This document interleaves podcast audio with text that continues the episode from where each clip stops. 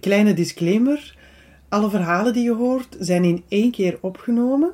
Net zoals de brieven die ik drie jaar geleden ook in één keer schreef. Dus met alle haperingen, us, pauzes en emoties die erbij horen.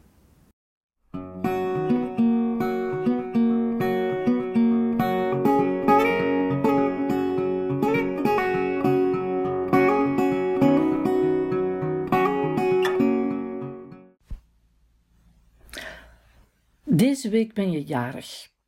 We besloten er een echt feest van te maken. Dag Mans. Zondag komen we in onze bubbel samen om jouw verjaardag te vieren. Maar omdat Rudy door de coronatoestanden zijn verjaardagsfeest aan zich voorbij moest laten gaan, vieren we eigenlijk ook zijn verjaardag. Maar omdat we met nieuwjaar niet zijn samengekomen, omdat jij toen net overleden was, vieren we eigenlijk nieuwjaar voor Rudy zijn verjaardag op jouw verjaardag. Ingewikkeld concept, maar zolang wij het begrijpen is het allemaal oké. We gaan er het beste van maken. Sarah en ik koken, we gaan lachen, plezier maken, de kleinkinderen rennen in het rond, de kippen lopen te kakelen. Ik zal samen met Rudy eens naar je moestuin gaan kijken. Het gaat zijn zoals alle andere jaren. Niet? Alleen jij bent er niet. En nee, je bent er ook niet bij ons in ons hart en onzichtbaar. Je bent er gewoonweg niet. Ik hoor het mensen graag zeggen hoor, dat je altijd bij ons zal zijn. Ik word er kwaad van omdat het niet zegt. Ik weet dat ik niet mag oordelen, maar als ik zoiets hoor, dan kan ik het niet nalaten om te denken: wacht tot jij je moeder verliest. Dan wil ik je nog eens horen zeggen dat ze er altijd zal zijn. Misschien komt dat nog. Misschien moet je daarvoor in een andere fase van rouw zitten om zoiets te kunnen denken en voelen. Misschien is het gewoon niet aan mij besteed. Ik ben een lange rouwer. Dat weet ik uit ervaring. Ik doe er best een aantal jaar over vooraleer ik opnieuw naar foto's kan kijken of iets over jou kan vertellen dat langer duurt dan twee minuten. Misschien is dat soort uitspraken gewoon niet aan mij besteed. Ik ben er zelf ook mee gestopt. Als mensen me nu vertellen dat ze hun moeder of vader verloren zijn, dan knik ik en zeg ik dat ik hun pijn niet kan voelen, maar dat ik wel weet wat het is om een dochter zonder moeder te zijn en dat het pijn doet. Een pijn van die orde dat je er niet aan kan denken, want dan voel je het mes in je hart. Die scherpe, stekende stoot die ervoor zorgt dat je even naar adem hapt en verlamt. Ik krijg ook onmiddellijk keelpijn. En ik weet dat ik op dat moment eigenlijk iets wil uitspreken, maar ik slik.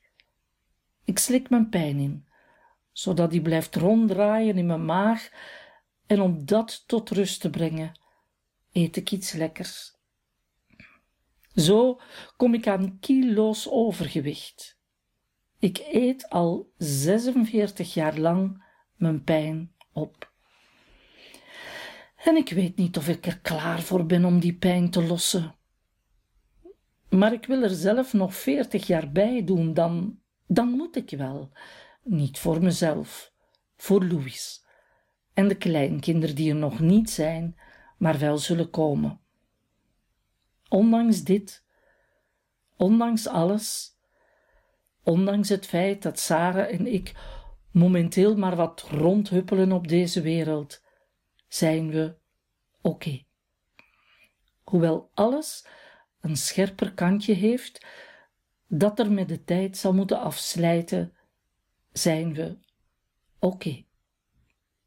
Er is nog plezier. We zitten niet in een hoekje te treuren. We leven ons leven. We zijn oké. We zijn Sava. Liefs. Katrien, dinsdag 16 juni 2020. PS.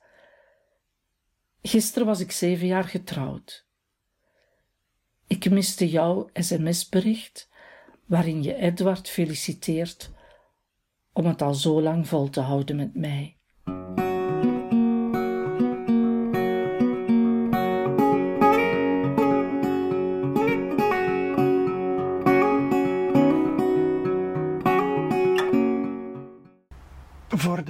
Mensen die trouwe volgers zijn van de podcast Brieven aan mijn mama, denk ik dat ik misschien eerst moet uitleggen waarom dat er een pauze is geweest in de podcast. En dat heeft natuurlijk alles te maken met het feit dat ik um, operatie heb gehad en een aantal complicaties. En dat die complicaties ervoor gezorgd hebben dat het moeilijk was om mij langer dan twee uur te concentreren op een hele dag. En dat jammer genoeg al die energie en al die concentratie moest gaan naar het herstel en niet zozeer naar het maken van podcasts of het beantwoorden van, mails of werken. Maar um, als jij iemand bent die later inpikt, dan ga je daar natuurlijk op dit moment geen last van hebben. Nu, ondertussen zijn we in uh, de podcast al aan brief nummer 26, of week nummer 26.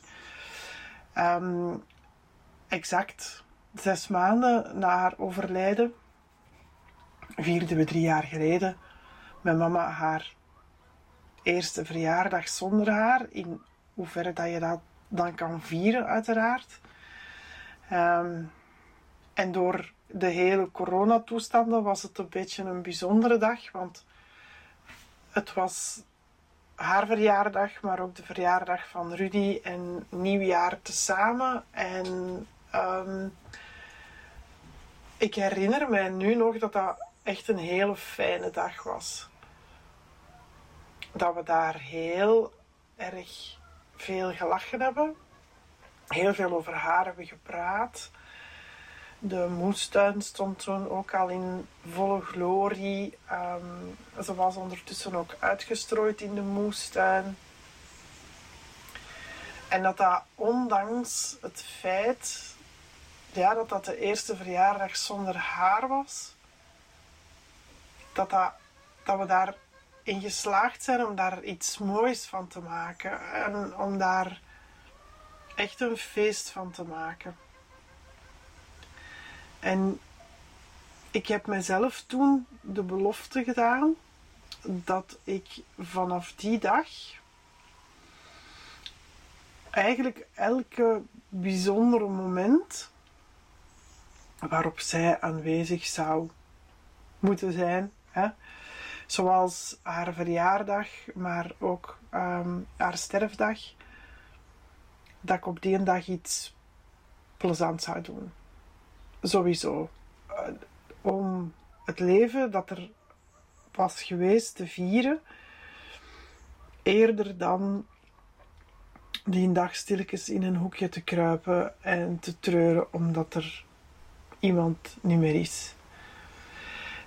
Tot nu toe lukt mij dat perfect. Ik ben twee keer per jaar een dagje niet aan het werk en twee keer per jaar ben ik iets fijn aan doen. Ik moet er eerlijk aan toevoegen dat het voor haar verjaardag mij dit jaar niet gelukt is. dat heeft dus alles te maken met die operatie en met het feit dat ik op die dag opnieuw een bloedtransfusie kreeg en een ijzerbakster en dat ik natuurlijk niet echt in staat was om uh, een uitstap te gaan doen of om uit eten te gaan of uh, ja, wat dan ook. En het gekke was dat de, de plek waar ik die bakster kreeg op de afdeling oncologie was van het Stuivenberg ziekenhuis. En dat ik dus eigenlijk in exact dezelfde kamer zat als die waar mijn mama ongeveer twee jaar van haar leven toch één keer per maand heeft doorgebracht. Zij in een ander ziekenhuis, maar toch. En ik dacht, hoe kan dat nu? Hoe kan dat nu dat ik exact op haar verjaardag op de afdeling oncologie tussen mensen zit die vechten tegen kanker. En dat ik hier zit op haar verjaardag. Ik, ja, ik vond dat vreemd en tegelijkertijd had ik zoiets van: het moet weer lukken. En ik heb die dag ook super fijne gesprekken gehad met mensen die natuurlijk een jonge vrouw daar zagen zitten met nog al haar haar. Hè. Ehm, en die aan mij vroegen wat, er, wat ik had. En dan ehm, moest ik zeggen dat ik geen kanker had, maar dat, ik, ehm, dat mijn bloed niet oké was. En dat ik dus een, dat er ja, een beetje Red Bull moest ingegoten worden, ik zal het dan zo noemen. en dan kwam het gesprek op wat zij hadden en, en mijn mama. En ehm, ja, dat ik wel had gezien wat dat, dat deed met iemand. Uh, kanker hebben. En dan vooral ongeneeslijk ziek zijn. En weten dat alles wat je doet, dat dat maar een tijdelijke oplossing is. En dat je niet naar een permanente oplossing gaat. En dan dacht ik, hoe zot is het weer? Dat ik dan op zo'n moment, op zo'n dag, daar dan op een of andere manier terug volop wordt ingegooid. En dat dat. Ehm, ik, vond dat ik vond dat mooi. Ik vond dat eigenlijk mooi. Ik weet niet of dat, dat onnozel is om het op die manier te zeggen. Maar ik, dat had iets. Dat had voor mij iets om op haar verjaardag in gesprek te gaan met mensen die vechten tegen kanker. Ik weet dat een aantal van de mensen die ik daar heb ontmoet ondertussen ook naar de podcast luisteren. Dus ik zou ook, ehm, als ze aan deze aflevering komen, dan wil ik dus ook hallo zeggen. Ehm, ik ben jullie niet vergeten. Merci voor de fijne gesprekken. Ik vond het echt heel bijzonder om jullie te leren kennen En om nog eens het verhaal van mijn mama te mogen doen.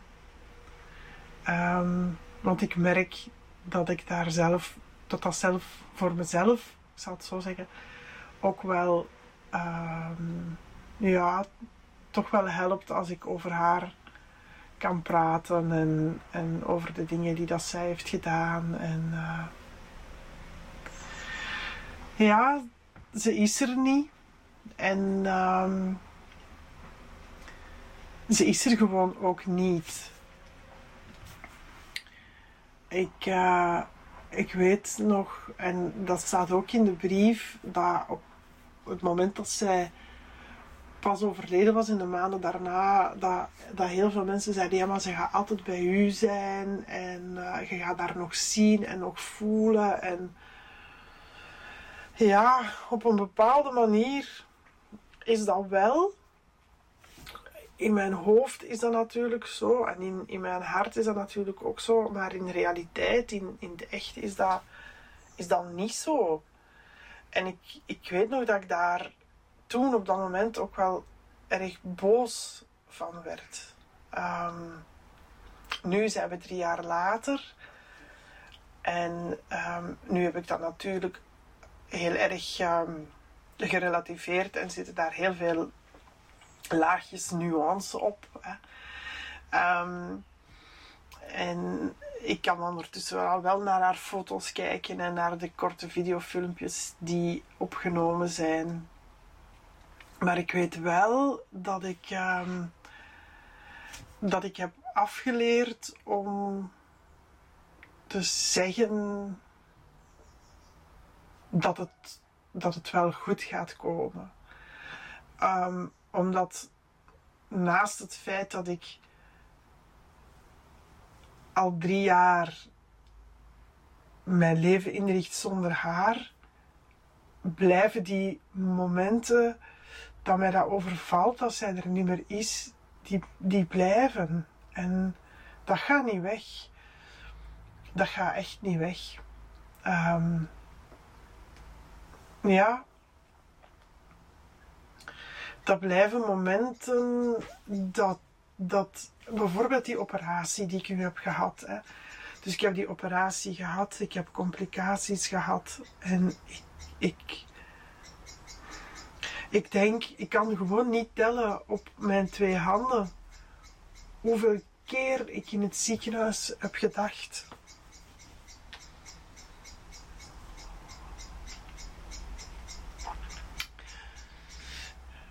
Dat ik haar wilde bellen.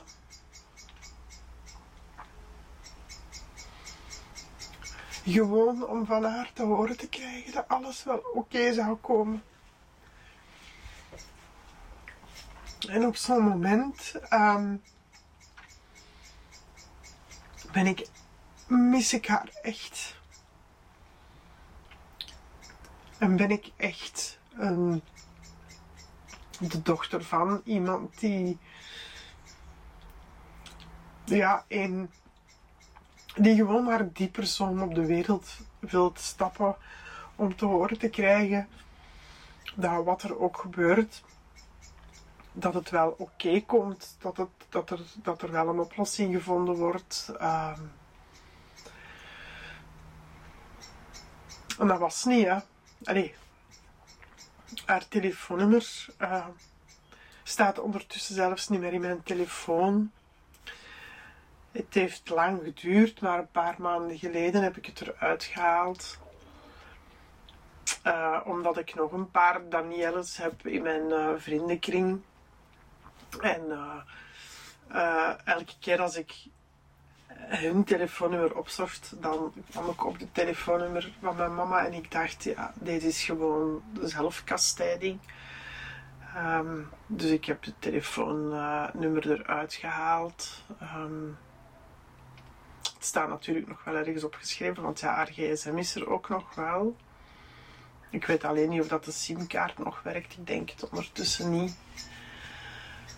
Um, maar ja, dat zijn zo van die momenten die uh, blijven en die, die, die blijven pijn doen. Um,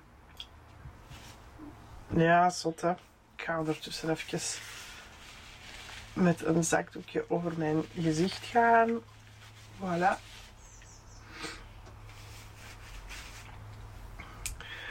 Maar goed, um, het was dus haar uh, verjaardag. Um, of het is haar verjaardag. Uh, we zijn ondertussen tien jaar getrouwd. In mijn brief staat uh, zeven jaar getrouwd. En dat is ook zoiets op de dag van haar verjaardag.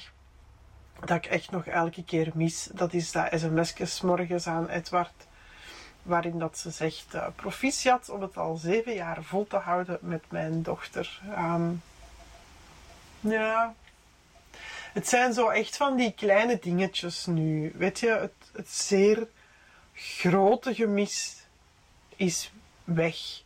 Um, ik kan niet meer zeggen dat ik nog tientallen keer op een dag aan haar denk en maar het zijn zo echt die kleine, die kleine dingetjes, die kleine momenten. Het, Louis die um, gaat leren autorijden. Um, ja.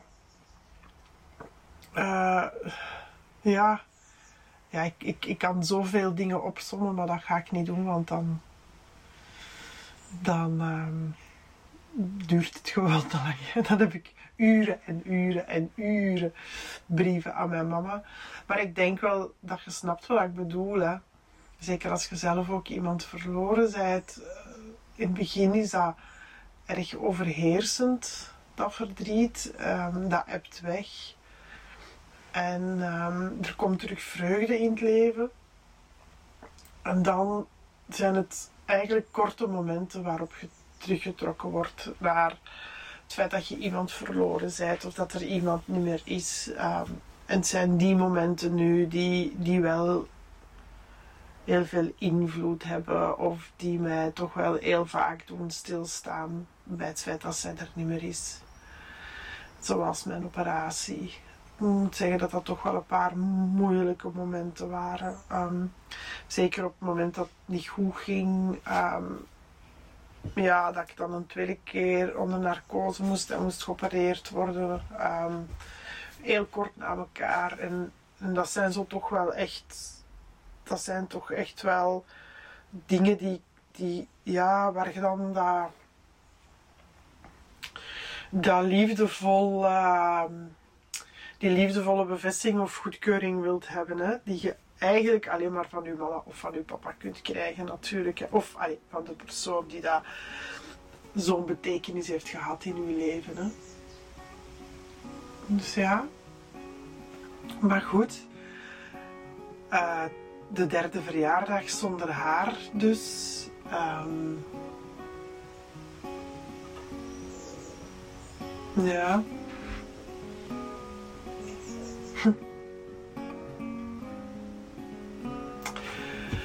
Dat was het voor uh, deze week. Ik heb niet, niks meer te zeggen. Ik heb niet veel meer te zeggen. Er komt ook niks meer uit. Dus dankjewel voor het luisteren aan, uh, naar brieven aan mijn mama. Week 26. Tot volgende week. Bye bye.